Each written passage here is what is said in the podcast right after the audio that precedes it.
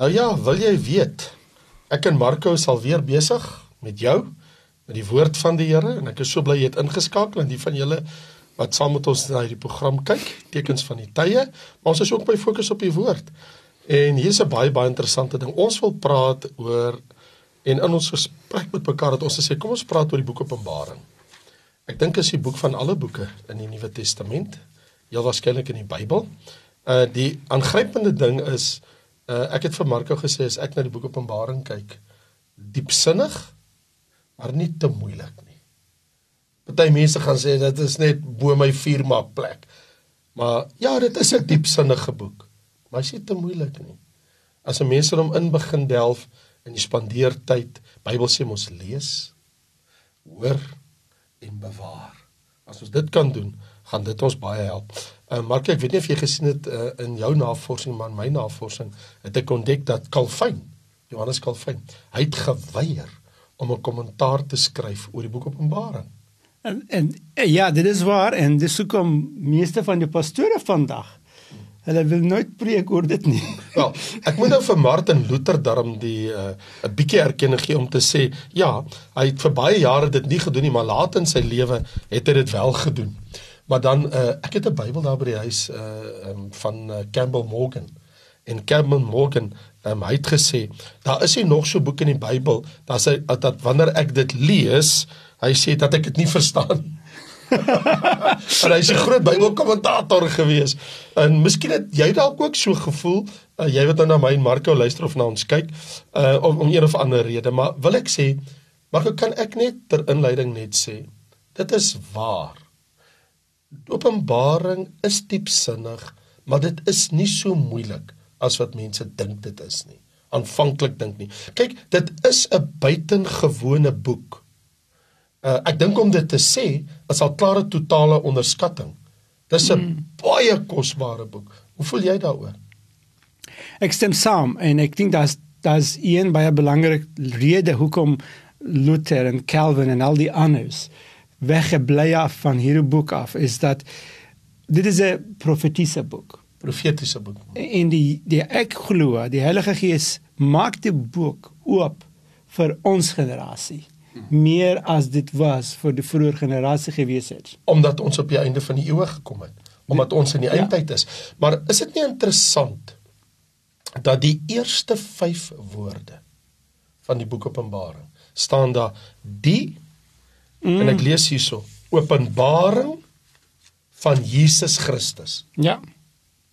Wat is so moeilik daarin? Mm. The revelation of Jesus Christ. Nou hoe is dit moontlik dat mense nie die res kan of wil lees nie? Hier staan, dis die openbaring dit, dit is, van Jesus Christus. Dit is presies so, maar ook ek regtig glo, dit is 'n dit is 'n boek met amper soos in kode, amper soos daar's 'n syfer oor die deciphering dit dit moet doen word. En ek dink Heilige Gees is besig om te maak dit oop vir ons generasie maar die generasies voor ons. Regtig ons moet regtig kyk ek weet nie van jou nie maar van my kant ek moet regtig kyk baie hard en ver en diep om te kry teoloë van vroeër eeu era era om wat het regtig mooi geverstaan hierdie boek. Yes. Dat daar's baie baie min, miskien een of twee hier en daar, maar dis ja, al. Ja. Okay. So van Daniël, okay, kom ons sê gou vir mekaar die volgende. Openbaring is 'n apokaliptiese boek. Aan die ander woorde het dit doen met 'n openbaring oor eindtyd gebeure, die ene van almal in die Nuwe Testament. Daniël is die een van almal in die Ou Testament. Nou Daniël is verseël. Ja. Openbaring mag nie verseël word nie. Maar jy het gehoor dit Markus nou net gesê het. Hy sê ehm um, maar daar is kodes. Hy bedoel dan ook tekens met betekenis. Want daar staan ons in Openbaring 1 vers 1, die openbaring van Jesus Christus wat God hom gegee het om aan sy diensknegte te toon wat gou moet gebeur en wat hy deur die sending van sy engel aan sy dienskneg Johannes te kenne gegee het. Dis presies waarna Markus nou verwys het. Want daai te kenne gee is signs to signify tekens met betekenis. Mm. wat sê die Here? Die Here sê: Ek sal vir jou die openbaring van die toekoms gee, maar hoe ek dit gaan doen is deur tekens, mm. gesigte en visioene. En as jy dit bestudeer, gaan jy dit verstaan. Ja. So dis hoe ek die toekoms aan jou gaan openbaar. God se keuse was deur dit met simbole en met beeldspraak en met simboliek met tekens, gesigte, visioene met betekenis. In ander woorde, as ek die tekens bestudeer, sal ek die betekenis verstaan. Dis ja, dit is een ding en die ander ding is uh, ek dink jy sal sa stem saam met my. Die boek van Openbaring net soos al die ander boeke in die Bybel, miskien meer soos al die ander boeke in die Bybel. Dit dit, dit is nodig dat mens moet jare en jare en jare in in in, in best, spandeer in bestudering hier die boek. Want dit is nie jy, jy kan nie net vat die boek in jou hand en lees op een slag en sê okay, nou ek verstaan alles. Dit dit sal nie gebeur nie. Dit kan nie gebeur nie. Want jy want omdat daar's meer as 300 verwysings in die boek Openbaring en beelde wat ontleen word uit die Ou Testament uit. So jy moet 'n baie goeie siening, nie net van Openbaring hê nie, jy moet 'n goeie siening van die hele Bybel hê. Ja. Nou, hier is 'n baie interessante ding. God het besluit om die toekoms aan ons te openbaar. Presies en hy het besluit om dit te doen deur sy seun Jesus Christus. So God wil nie hê dat ek en jy Marko moet in onkunde leef nie. Ja, en en presies eh, ek dink in ons generasie. Ja. Ek glo dit is die laaste generasie vir die wederkoms van Jesus vir die wegraping. Ek ek, ek glo in ons generasie ons het geen rede waarmee ons sê ek verstaan nie, ek kan nie verstaan nie. Ja. Ek dink daai reputasie van die boek Openbaring, dit is 'n skrikwekkende reputasie van hierdie ellelange brief wat die Here vir sy gemeentes gegee het. Maar weet jy wat? Dis die finale woorde van God in die Bybel. Ja. Want dis die laaste Bybelboek. Dis nie die eerste een nie, dis die laaste een. En in die laaste Bybelboek vertel God vir ons van die einde van alle dinge. Ja ja ja. En en die toekoms, en die toekoms.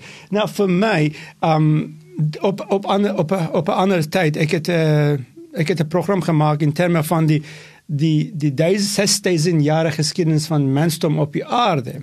En wat is so interessant is die boek van Openbaring is die boek wat wys vir ons hoe gaan die Here hom God homself das daai 6000 jare afsluit. Mm.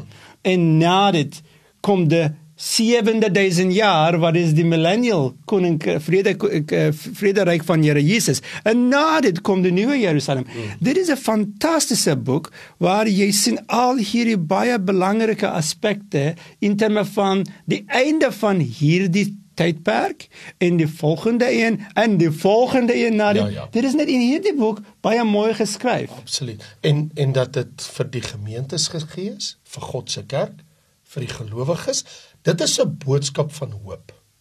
Dit is 'n boodskap van beloftes van hoe God reg het nou net gesê deur my broer waar die einde van alle dinge vir ons geopenbaar word. In daardie sin, ehm um, behoort ek en jy te weet dat Jesus het 'n belange daarbey dat ek en jy weet hy kom weer terug want die hart van die hele boek Openbaring is die wederkoms van Jesus Christus. En tereg is hier nou vroeër in die program gesê deur my broeder dat vir ons generasie meer as enige ander generasie. Ek bedoel kom ek sê dit soos wat dit is. Ons is die mense wat die naaste aan die wederkoms van Jesus Christus leef van alle mense wat ooit op die aarde geleef het. Ja, dit dit is 'n feit. Niemand kan teen dit praat. Dit is ja, wat jy so, sê is heeltemal feit. Dan ja. moet ons Openbaring aanvaar as dit die laaste boek is en ons in ons glo ons is in die eindtyd, dan is die boek Openbaring baie relevant.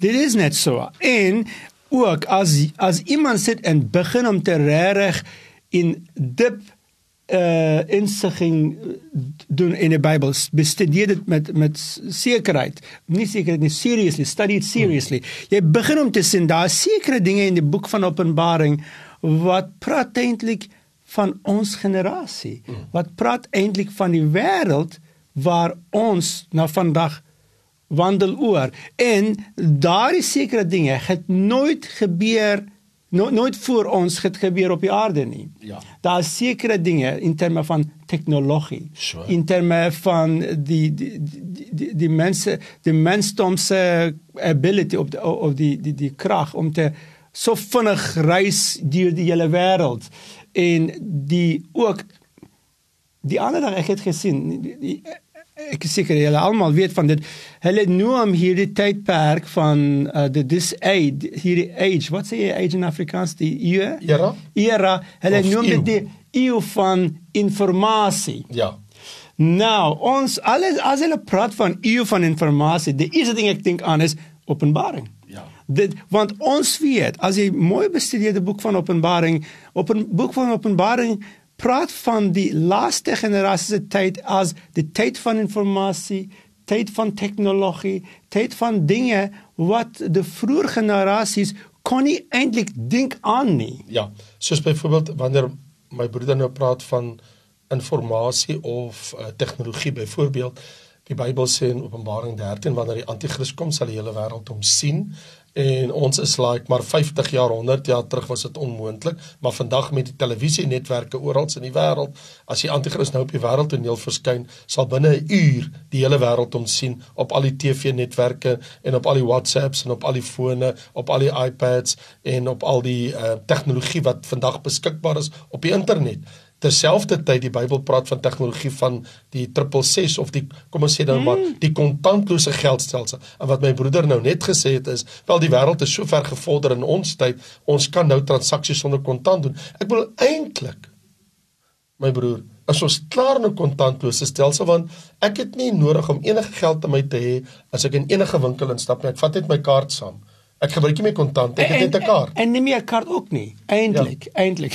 Op my foon, my selfoonbank ja. sê vir my, hulle stuur amper elke dag 'n nuwe boodskapie en sê asseblief begin om te gebruik hierdie uh betaalstelsel op my selfoon. Hulle het dit al, al klaar ingesit in my selfoon sonder my eintlik keus. Yes. En hulle sê net begin om gebruik dit. As jy as jy as jy gaan enige plek toe en as jy wil betaal, net vat jou foon oor daai invoice en jy dit gaan outomaties betaal. Nou eintlik letterlik ek nodig nie my kaart nie meer nie. Ja. Vergeet van die kontant. Ja, ja, Kaart ook ek nodig nie meer nie. En uh, die die ander dag my my ek moet nuwe kaart kry van die bank af. Die bank sê vir my nee, ons wil vir jou ekstra geld vra want eintlik ons wil wens dat jy nou begin om te opereer sonder 'n kaart. Ja, ja, ja, ja. So die maar ehm um, okay, ek mag ek mag nie baie ver gaan van die storie nie, maar ek wil vir jou baie belangrike vraag vra hier. Die sewe kerke in die boek van Openbaring. Die la, die laaste een. Die meeste van die mense wat bestudeer die Bible prophecy stem saam dat die laaste een, die kerk van Laodicea is ons tydperk, is ons generasie, is ons kerk kerk eintlik. En uh, wat dink jy daarvoor? Daar is geen twyfel nie dat ons weet dat die sewe gemeentes, kom ons sê dit net eers vir mekaar, was sewe bestaande gemeentes in die dag van Johannes in Klein-Asië in die land van jou geboorte my broer in Turkye. Ja. Nou, en Johannes was op die eiland Patmos in die jare 90-95 na Christus toe hy die gesigte en visioene gekry het en hy het dit gestuur as 'n brief na die sewe gemeentes. Toe ons weet vandag dat daai sewe gemeentes was deur God gekies want hulle sou ook die kerk verteenwoordig deur al die eeue heen. Anderswoorde die hoofkaraktertrek kenmerk van elkeen van daai gemeentes kan ons in die geskiedenis gaan sien het vergestel van die gemeente van Efese dwarsdeur tot by die gemeente van Laodicea. In ander woorde, daar's 'n historiese konteks. Ja. Histories was dit sewe gemeentes en ek wil amper sê soos 'n poskoets. Ja, ja. As jy met 'n poskoets ry van 1 tot nommer 7, kon hulle so die brief gaan lees het by al die sewe gemeentes week na week. Vat jou so uur, uur en 'n kwart om deur die boek te lees. Hulle kon dit elke Sondag vir 7 weke gaan lees het, met die poskoets gery het en in 7 weke binne 2 maande het al sewe gemeentes gehoor van hierdie brief. En heel waarskynlik dink ek hulle het die brief gaan sit en lees op die dag van die Here vir die hele gemeente. Ek dink as ek histories dink, Marco, Ja. terug, dat dit was vir hulle gelees. En dan hoor hulle ook sommer wat word van hulle buurgemeentes gesê. En ek wonder wat hulle gedink toe hulle van Laodicea hoor. Dan sê Efese, "O, oh, um, die Here sê ek het goeie goed om van jou te sê, maar jy het jou eerste liefde verlaat." O, oh, wat moet die ander gemeentes dink as hulle dit hoor van die gemeente van Efese? Hulle het nou lekker kindernuus. En dan wat, wat dink hulle van Laodicea? Jy's koud, jy's nie koud, jy's nie warm, jy's lou uit my mond uitspieg. Maar terug na Laodicea toe. As en dis wat my broer nou net gevra het, wat dink ek van waar is ons wat Laodicea betref? Eerstens sê ek histories was dit sewe bestaande gemeentes. Eskatologies in die Openbarings kronologiese orde van God se profetiese horlosie sou dit die tydperk van die kerkera oorspan in die wêreld. En ons is nou bykans 2000 jaar in 8 jaar van nou af in 2030 as ons al 2000 jaar in kerkgeskiedenis. So dit bring vir ons by die laaste kerk die gemeente van Laodicea die lou kerk. So my antwoord aan jou is ek het geen twyfel dat ons het gekom by Vox Populi Vox Dei. Maar ek wil net vir 'n interessante ding sê. Het jy gesien wat het Elon Musk gedoen hierdie week? Nee. Elon Musk, die rykste man op aarde. Ja ja, e- eintlik is van Suid-Afrika af, hulle ek hoor, maar ja, ja, ek kyk ja. nie TV nie, dis hoekom ek nie. Afrikaanse broer. Broer, is hy nog 'n broer? Maar ek weet nie wie van julle wat weet van Elon Musk, die ou wat mos nou Twitter oorgeneem het ook en wat hierdie Tesla uh, elektriese voertuie in die wêreld het. Hy het hy het iets gesê toe ek dit lees. Ek was so geskok en dit was op Fox News. Hy sê ehm um, hy het gevra, wil die mense hê dat Donald Trump uh, moet weer terugkom op Twitter want hy's mos live ban gekry by Twitter. En toe hy sy ding uitgestuur. Toe kry hy 15 miljoen antwoorde en die oorgrootste meerderheid gesê ja, Donald Trump kan terugkom. Toe sê hy, "Goed, ek Elon Musk, ek sê nou dat ek maak weer oop en Donald Trump kan terugkom." En sy woorde was en sê ek, "Vox populi, vox dei." En ek is like, "What? Waar kom jy daaraan?" Want vox populi, vox dei beteken populi mense. God, die stem van die mense is die stem van God. Ja. Hierdie man, Hy weet die storie. Hy praat van wat ek en jy weet van um Openbaring hoofstuk 3 dat die kerk van Jesus in die demokrasie is dat ons sê die stem van die mense is nou die stem van God. Dis die hartseer van ons kerk. En as dit dis 'n lou kerk, dis kom dit 'n lou kerk is. God kry nie kans om te praat nie. Ja ja, maar die snaakse ding is ek is bly jy praat van dit van daai storie nou. Wat ek begin om te besef dat mense wat staan teen God in hierdie in hierdie generasie. Mense wat sê ek wil nie God aanbid nie. Daardie mense eintlik doen so meeste van hulle. Nie dat hulle weet nie die waarheid nie, maar eintlik hulle weet die waarheid meeste van die tyd beter as die mense wat sit in die kerk. Mm.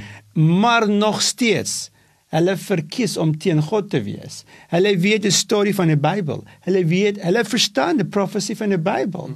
En nog steeds hulle verkies om teen God te wees. En dit bring my tot die ander punt in die boek van Openbaring. As ons kyk mooi in die boek van Openbaring, in die middel van die sewe, sewe jaar se groot verdrukking, mense verkies met al verstaaning, hulle verkies om teen God te wees. En dis hoekom Here God sê, "Wa, dit is wat jy verkies." Ja. Dan ek sal vir jou gee wat jy vra. Yes. En die rede waarom mense teen God kies, is dat hulle wil nie breek met hulle sonde nie. Ja. Hulle wil nie hulle ongeregtigheid erken nie. Daar's een baie belangrike ding wat ons hardloop nou uit tyd uit wat ek tog net wil sê oor die boek Openbaring. Ons het baie vinnig oor dit beweeg ek en Marco en ek wil net iets saamvat omdat ek weet dat ons hardloop nou uit tyd uit en hy sal sekerlik 'n laaste woord ook wil spreek. Ek wil net iets sê.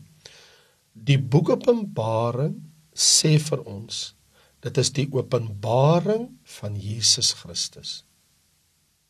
So die openbaring kom van Jesus en dit openbaar Jesus. In sy wederkoms, die koning van alle konings, hoe die nuwe heerlikheid gaan lyk, die 1000 jaar vrederyk en ook die nuwe hemel en die nuwe aarde. Daardie openbaring staan in vers 1 het Jesus ontvang by die Vader by God.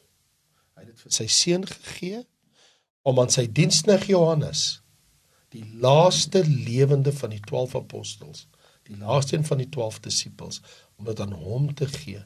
En hy het seker gemaak dat hy dit moet neerpen en hy het 'n engel gestuur, 'n baie spesiale engel, deur die sending van sy engel aan sy diensknegt Johannes. So wat ek en jy het is ons het 'n God gewilde dokument. Ons het 'n God gewilde boek Openbaring oor die toekoms. Mm. En God wil hê dat ek en jy erns maak om dit te lees, dit te hoor en in ons hart te bewaar. Ek weet my tyd is op. Ek groet jou. Marco gaan vir oulaas iets sê, maar van my kant af mag die koning jou seën en kyk uit om volgende week verder met jou te kuier. Van my kant af, die Here seën baie dankie en totsiens. Ja, die in die einde van die boeke van Openbaring ons lees dat Jesus die bruid en die gees sê kom. En ons sê in dieselfde manier Maranatha, come Lord Jesus, come. We're waiting for you. Amen. Totsiens.